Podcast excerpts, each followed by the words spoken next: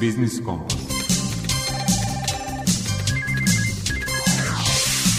Biznis Kompas.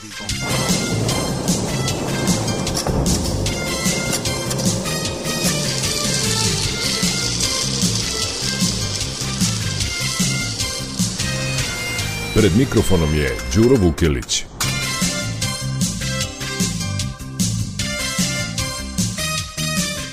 Dobar dan, poštovani slušalci. Utorkom posle 16 vreme je za Biznis Kompas i teme za koje verujemo da će privući vašu pažnju. Ukratko iz sadržaja emisije. U rubrici Aktuelno govorimo o sporu Ministarstva energetike i elektroenergetskih preduzeća oko izdatih dozvola za gradnju objekata za proizvodnju energije iz obnovljivih izvora. Povećanje kamatnih stopa Američke centralne banke i neizvesnost oko toga da li će ih ispratiti druge centralne banke. Kako će se to odraziti na države poput naše i u njima dužnike? O tome u rubrici iz mog ugla govori profesor sa Beogradskog ekonomskog fakulteta Đorđe Đukić. U svetu preduzetništva Marija Prokopić iz Regionalne razvojne agencije Bačka predstavlja konkurs za podršku izvoznicima, a koji traje do 15. marta. Savjetnik za zaštitu korisnika finansijskih usluga u Narodnoj banci Srbije Nikola Đukić vas u rubrici Predmet financije savjetuje kako da refinansirate obaveze uz najbolje efekte. Tema rubrike Potrošačka korpa prava i izlaganja pravnog savjetnika u Udruženju potrošača Vojvodine Mladena Alfirovića je kako doći do informacije o robi koju stručnjaci ocene kao nebezbednu za upotrebu.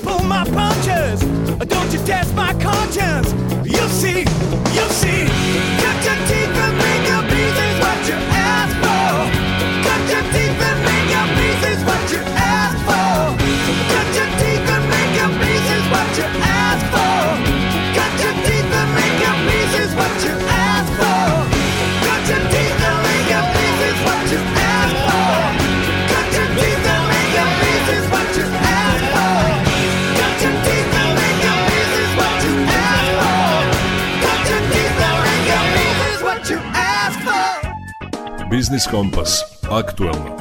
Velika se prašina ovih dana podigla oko podzakonskih akata koji bi trebalo da isprate ranije doneti zakon o obnovljivim izvorima energije. Razlog je procena mogu li odobrena ulaganja u obnovljive izvore da ugroze elektroenergetski sistem države. Iz radnih grupa povukli su se predstavnici EPS-a, Elektromreža Srbije i Agencije za energetiku. Povukao se sad i definitivno i generalni direktor EPS-a Milenko Grčić, ne propustiši priliku da najoštrije napadne resornu ministarku. U odbranu sebi nadređene stala je državna sekretarka u Ministarstvu rudarstva i energetike Jovanka Atanacković. Pravnica po obrazovanju prozvala je poslovodstva EPS-a i EMS-a za nesposobnost i nestručnost, odnosno kao kočničare ekonomskog razvoja Srbije. Već godinu dana ministarstvo priča da se javna preduzeća moraju voditi na drugačiji način, da se moraju uključiti nove investicije, da je to budućnost i da mi ne smemo da se vraćamo u prošlost, mi ne smemo ni da stojimo, mi moramo da idemo napred. I E, apsolutno je moguće sve ovo što mi pričamo, postoje studije, postoje ozbiljni stručni radovi koji će pokazati način i napravit ćemo i planove kako to da se urade. Dakle, a, nesposobnost određenih ljudi ne sme biti a, bilo kakav razlog stopiranju ekonomskog i svakog drugog razvoja Srbije. Pojedinci ne mogu to da rade i mi ćemo sigurno kao ministarstvo se truditi i nadalje da stvorimo uslove da se to ne dešava, već da idemo u napred i da idemo ka zelenoj energiji. S druge strane, predstavnici EPS-a, EMS-a i agencije tvrde da ministarstvo neracionalno insistira na brzom povećanju kapaciteta za proizvodnju električne energije iz obnovljivih izvora, pogotovo iz vetra, iako to ugrožava elektroenergetski sistem Srbije i može izazvati blackout, ili srpski rečeno raspad elektroenergetskog sistema – Stručnjak za obnovljive izvore energije Miloš Zdravković nema dilemu oko toga kome je namenjena uloga ulagača u energetsku budućnost Srbije. Kada govorimo o nameri vlade Republike Srbije da u veoma kratkom vremenskom periodu omogući pojedinim investitorima da instaliraju 3,5 gigavata vetroparkova, naravno da se to odnosi na strane investori, to smem kao inženjer sa velikim iskustvom da kažem, da je to iz razloga što ta investicija bi koštala između 15 i 17 milijardi dolara. To naši privrednici i naše kompanije nemaju te novce. Sa druge strane imamo da svu balansnu odgovornost prebacujemo na državu Srbiju i građane Republike Srbije.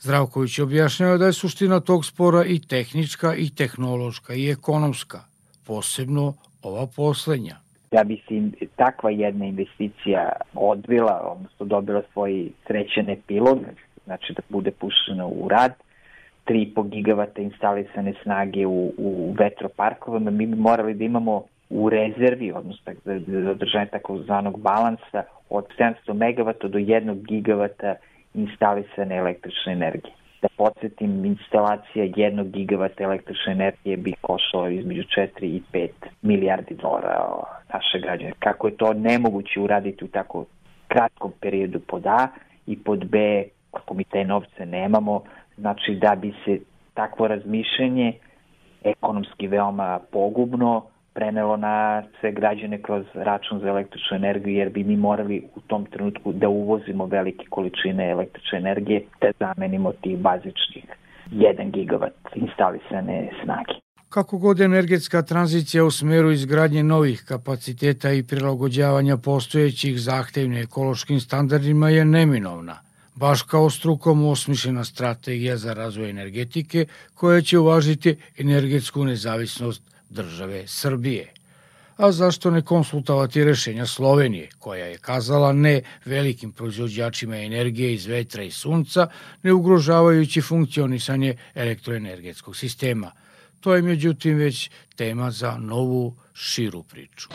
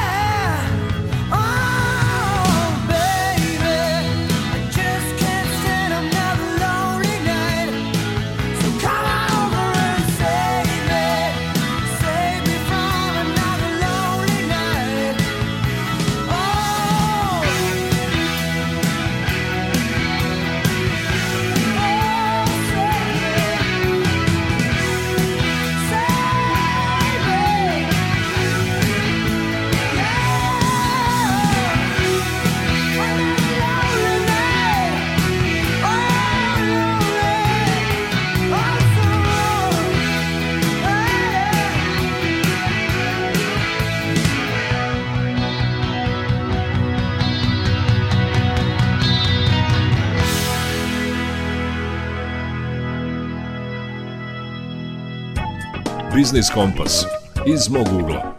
Iz Američke centralne banke ovih dana je najavljeno povećanje kamatnih stopa, dok je Evropska centralna banka i dalje uzdržana. Koje poteze monetarnih vlasti možemo očekivati u narednim mesecima i kako će se to odraziti na kreditne dužnike?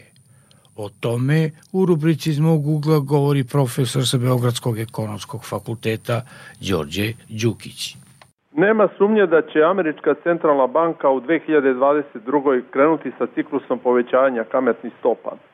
Predviđanje se razlikuje, međutim ono što zvaničnici Feda praktično najavljuju to je da će bar tri puta nastupiti povećanje verovatno za 0,25 e, baznih poena, što znači da u krajnjoj liniji e, možemo očekivati da se Amerika suoči sa onim, a to je da inflaciju e, suzbije i vrati u ciljani nivo od 2%, pri čemu bitno je istaći da je prilikom poslednje svedočenja prvi čovjek Američke centralne banke Paul jasno rekao da koliko im je važno da suzbijaju inflaciju, njima je isto tako važno da održavaju visoku zaposlenost i može se zaključiti da su u tom pogledu izuzetno uspešni, a evo dokaza za to stopa nezaposlenosti je pala na svega 3,9% u decembru mesecu, što je blizu onog nivoa koji je bio pre pandemije, to je blizu nivoa 3,5%, što znači biće postupnost u podizanju ključne kamatne stope, jer će praktično Powell i zvaničnici Feda brinuti kako će se to odraziti na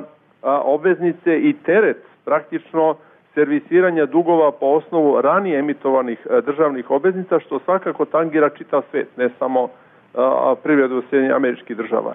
U tom smislu e, čak ima i najava da bi mogao biti ofanzivniji pristup američkog Feda, opet na bazi onog što je percepcija investitora, naime da bi moglo da nastupi bar četiri puta povećanje e, ključne kamatne stope, što znači da time Fed želi da izbjegne velike turbulencije na tržištu, već da postupno, odnosno gradualno, finanskim tržištima stavi do znanja da će primiriti praktično stopu inflacije, vratiti u kratkom periodu u zonu ciljanu od 2%.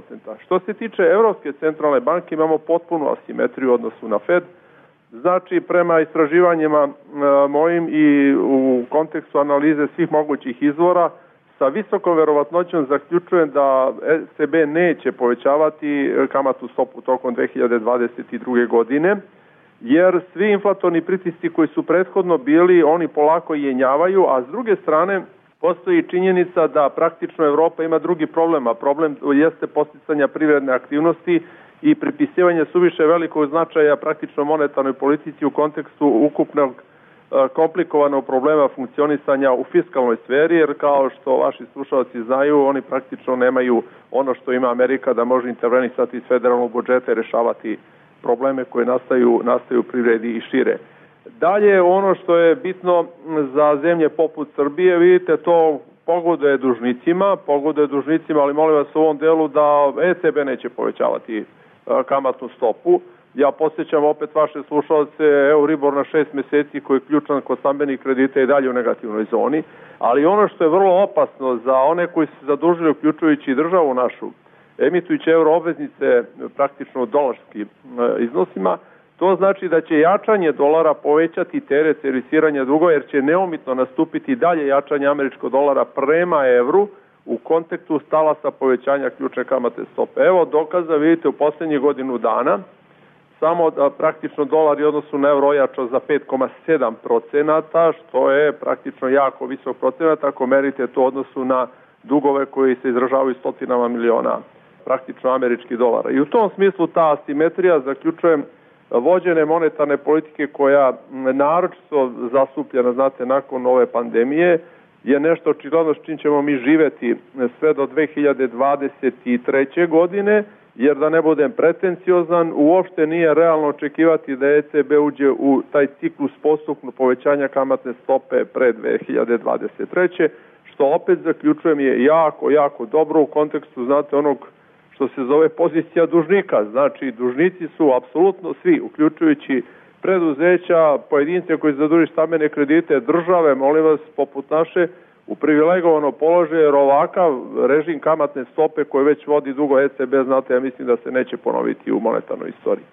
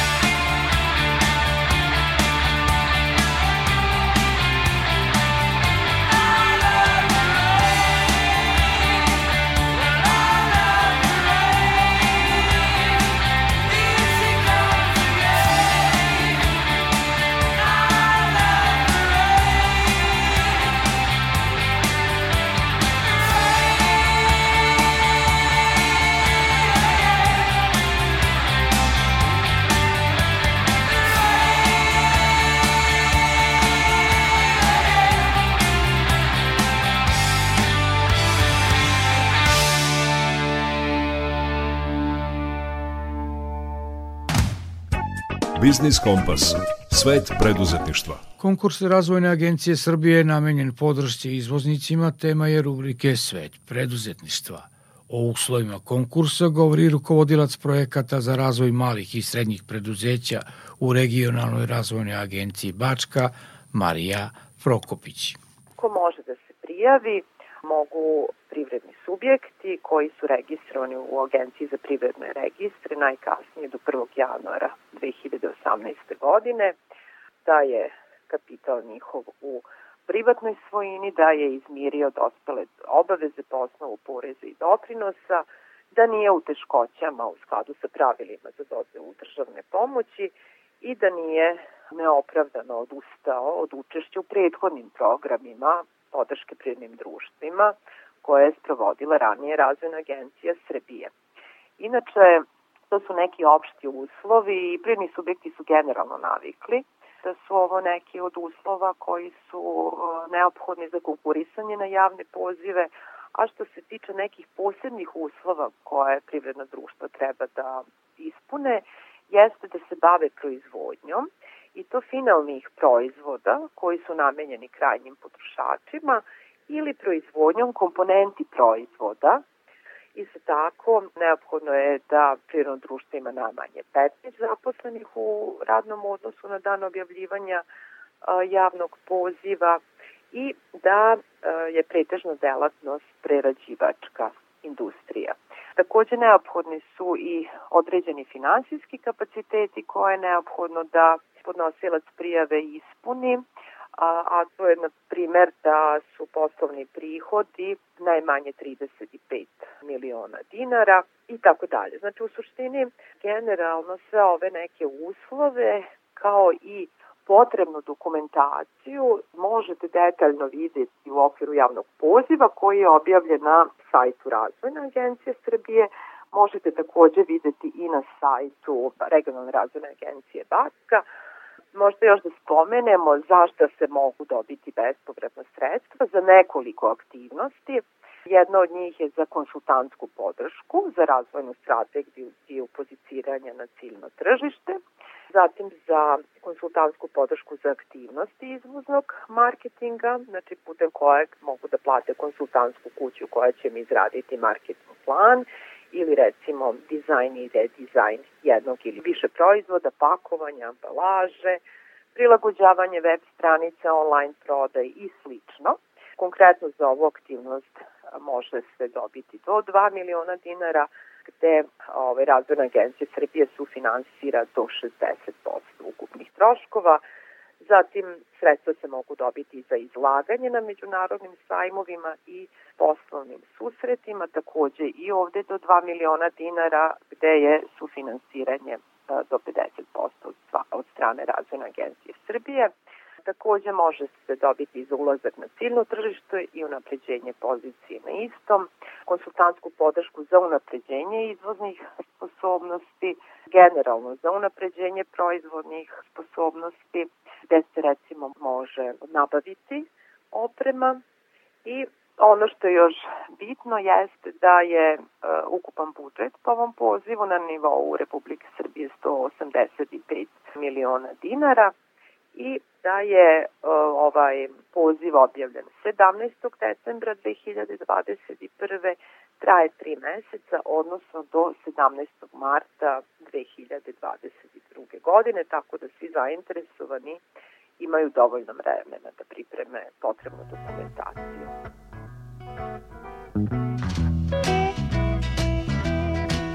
This is the rock we've been talking about. Yeah, this is the rock makes you just and This is the rock. That knocks you right out. It makes you lose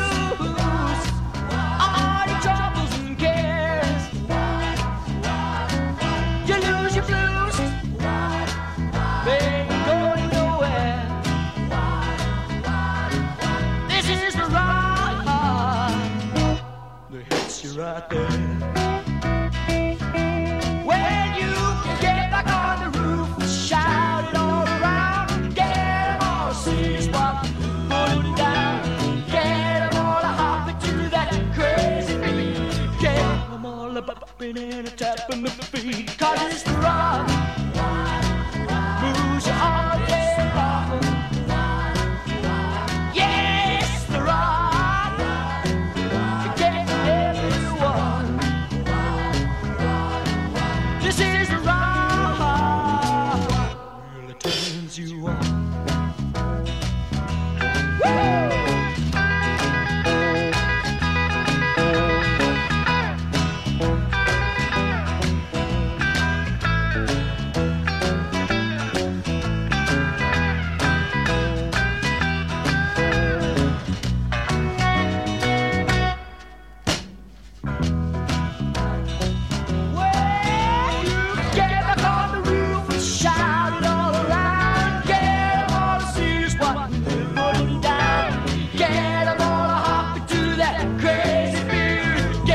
All a bumping and a tapping their feet. Cause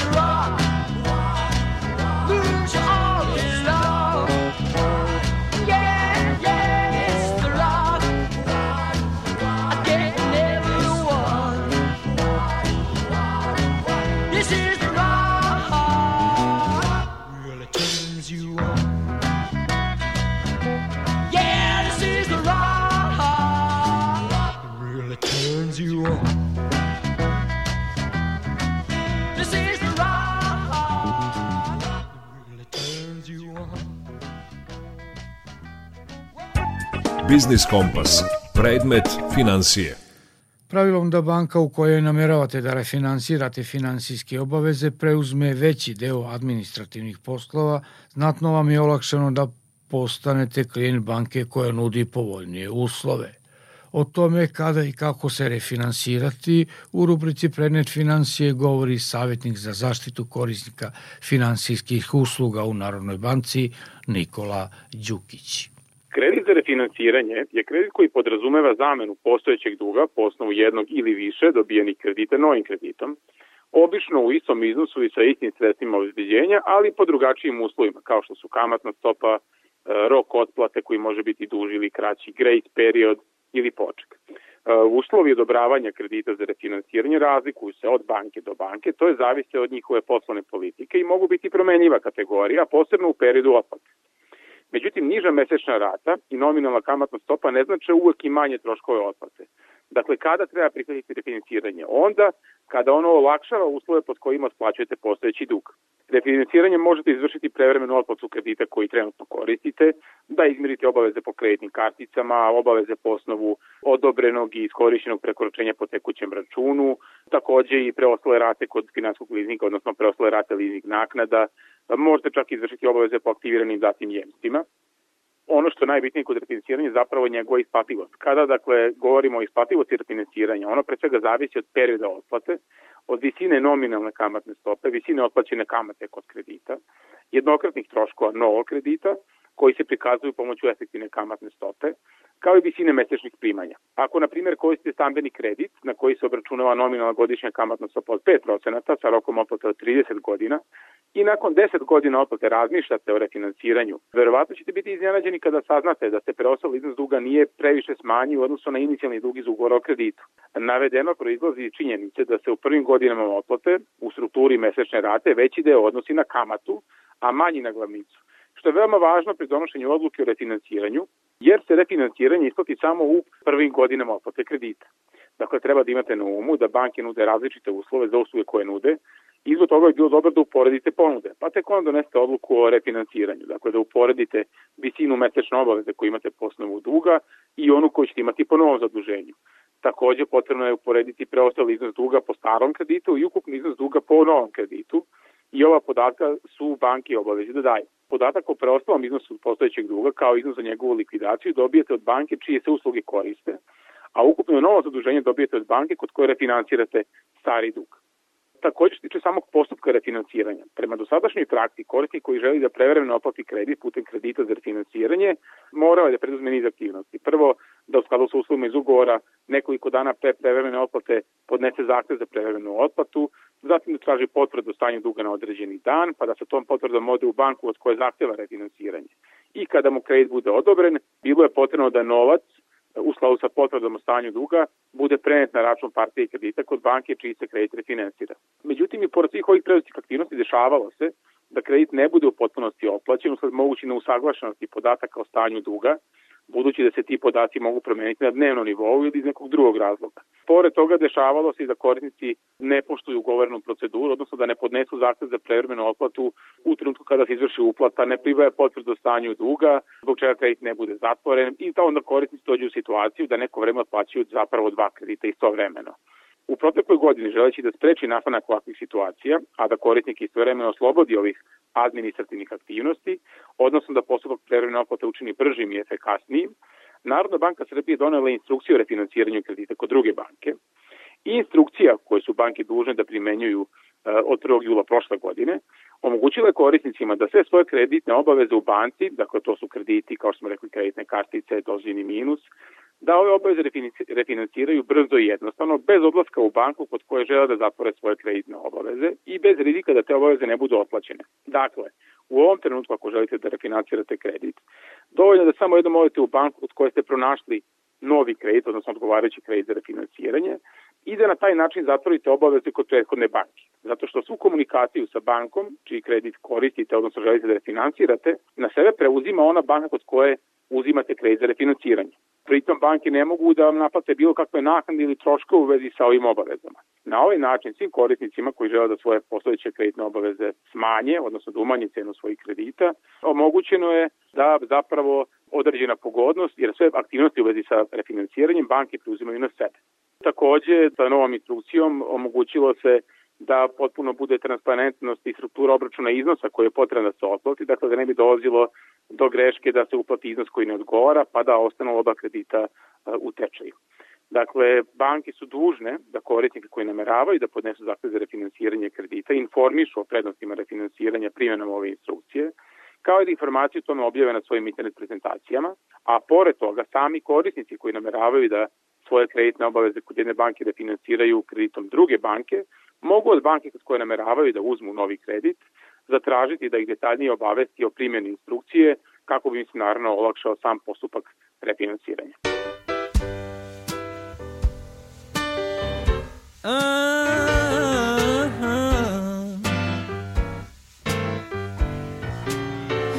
Whatever I've done, whatever I do,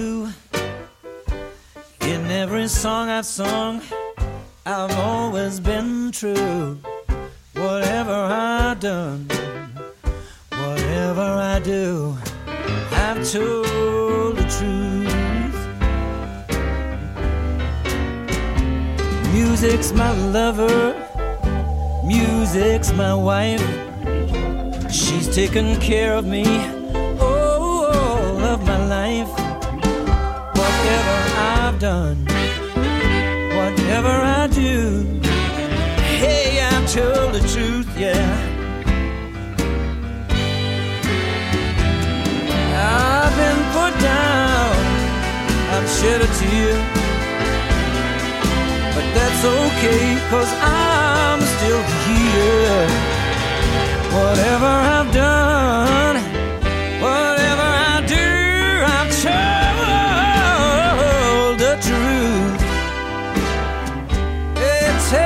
truth now, Jules.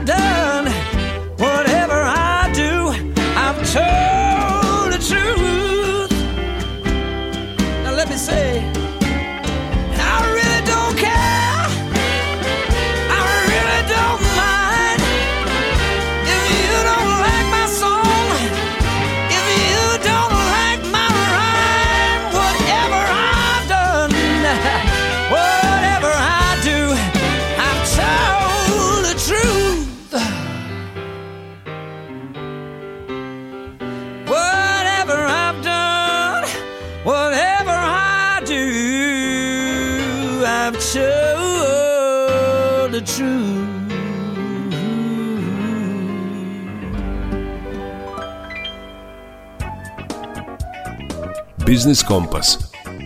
Potrošačka korpa prava. Pravni savjetnik u Udruženju potrošača Vojvodine Mladen Alfirović u današnjoj potrošačkoj korpi prava govori o tome kako da dođete do informacije o nebezbednim proizvodima. Povod je vest sa portala za brzu razmenu informacija o nebezbednim proizvodima da su kod nas i širom Evrope povučeni iz prodaje tanjiri zbog prisustva prevelike količine olova i kadmijuma. Generalno to je tema koja je izuzetno značajna za nas kao potrošače, a tiče se članstva u Europskoj uniji, budući da taj sistem, portal za brzu razmenu informacija o nebezbednim proizvodima, se koristi u državama koje su članice Evropske unije, a i mi kao zemlja kandidat smo takođe deo tog sistema i on funkcioniše na sledećem principu. Ako neka država na svojoj teritoriji u postupku laboratorijske kontrole, inspekcijske analize ili slično utvrdi da određeni proizvod ima u sebi utvrđeno nedozvoljeno e, prisustvo određenih hemijskih materija ili drugih elemenata u većem procentu nego što je to dozvoljeno lokalnim pravilnicima i zakonima, donosi se odluka da se taj proizvod povuče sa tržišta i ta informacija se objavljuje na tom portalu i ona je gotovo istog momenta dostupna svim državama članicama koje takođe koriste taj portal i onda nadležni organi država utvrđuju da li se taj proizvod nalazi na lokalnom, na domaćem tržištu i preduzimaju mere u skladu sa domaćim zakonima. To je bio slučaj i kod nas kada je neka država na svojoj teritoriji uočila prisustvo tih tanjira i e, samim tim su naši državni organi doneli odluku o povlačenju tog proizvoda i sa tržišta Srbije jer je utvrđeno da se taj proizvod prodaje i e, u Srbiji.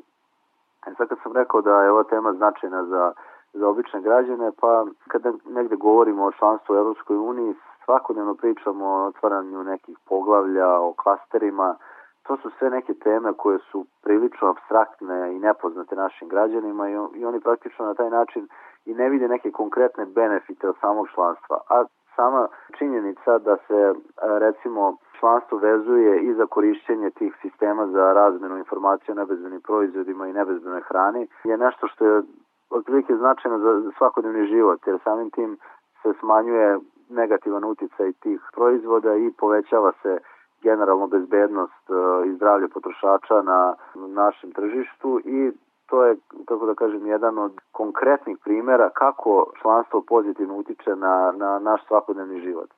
I pored ovog portala Nepro koji se vezuje za brzu razmenu informacije o nebezbednim proizvodima iz svih kategorija, postoji jedan drugi portal koji se vezuje isključivo za hranu. Tako da ako neka država na svojoj teritoriji uoči nedozvoljeno prisustvo određenih kontaminenata u hrani kao što su recimo veće prisustvo bakterija ili da je hrana generalno neispravna mikrobiološki i hemijski, onda se ta hrana, ako se nalazi na domaćem tržištu, takođe povlači sa, i sa domaćeg tržišta. Tako da je to zaokruženi sistem koji funkcioniše na teritoriji cele Europske unije gde vi na vrlo lak i jednostavan način možete da uđete u trag i da povučete generalno sve proizvode iz određene serije koji su se našli na, na policama recimo supermarketa u različitim e, državama članicama. Mi smo kao zemlja kandidat koja usklađuje sve propise sa evropskim, uključujući zakon o bezbednosti hrane i zakon o, o opšte bezbednosti predmeta od opšte upotrebe, se uskladili tu i počeli da koristimo taj sistem, iako još uvijek nismo puno, punopravna članica, tako da smo u tom nekom segmentu praktično integrisani. Koliko je to bitno, zapravo govori činjenica da mi u našoj državi izuzetno redko se sprovode ove hemijske analize predmeta od opšte upotrebe i da recimo ova informacija nije objavljena na ovom portalu, postavlja se pitanje da li bi uopšte taj proizvod bio povučen sa domaćeg tržišta, odnosno da li bi bilo koja inspekcija u bilo kom postupku uopšte otkrila da su ti predmeti nebezbedni. Ono što sam malo pre rekao jeste da se hemijske analize, recimo garderobe, gotovo uopšte ne sprovode u Srbiji, a da ne govorimo o nekim ostalim predmetima od opšte upotrebe. Na ovom portalu, pored poslednje informacije koje se vezuje za taj efekt, za tanjire i vaze, često se mogu naći informacije o nekim drugim proizvodima, kao što su recimo automobili, gde su pronađeni neki nedostaci u pogledu bezbednosti, gde postoji mogućnost od požara, od kratkog spoja, zatim smo imali informacije koje se tiču bebi opreme, dečih kolica, I generalno je savjet potrošačima da prate našu stranicu i Facebook i naš sajt jer mi gotovo redovno na našim stranicama objavljujemo te informacije o nebezbednim proizvodima i dešava se da bude u toku meseca i po dve, tri objave. Tako da eto, to je način da se potrošači informišu koji su proizvodi nebezbedni, koji su proizvodi povučeni sa tržišta, pa ako su eventualno to kupili ili bili u kontaktu s tim proizvodima da dalje mogu da preduzmu korake u smislu da te proizvode vrate, da im bude vraćen novac i generalno da se informišu pre nego što donesu odluku da nešto kupe. I'm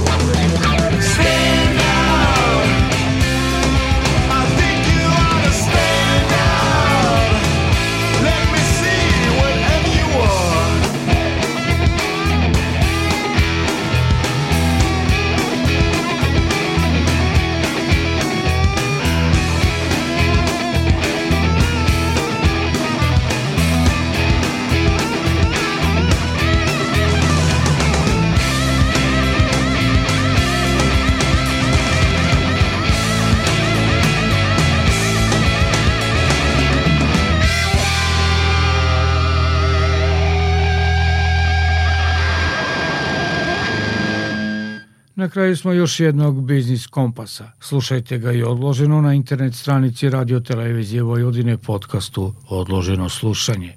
To vam poručuju muzički urednik Zoran Gajinov, ton majstor Sabina Nedić i urednik emisije Đuro Vukilić. Zdravi bili i čuvajte se.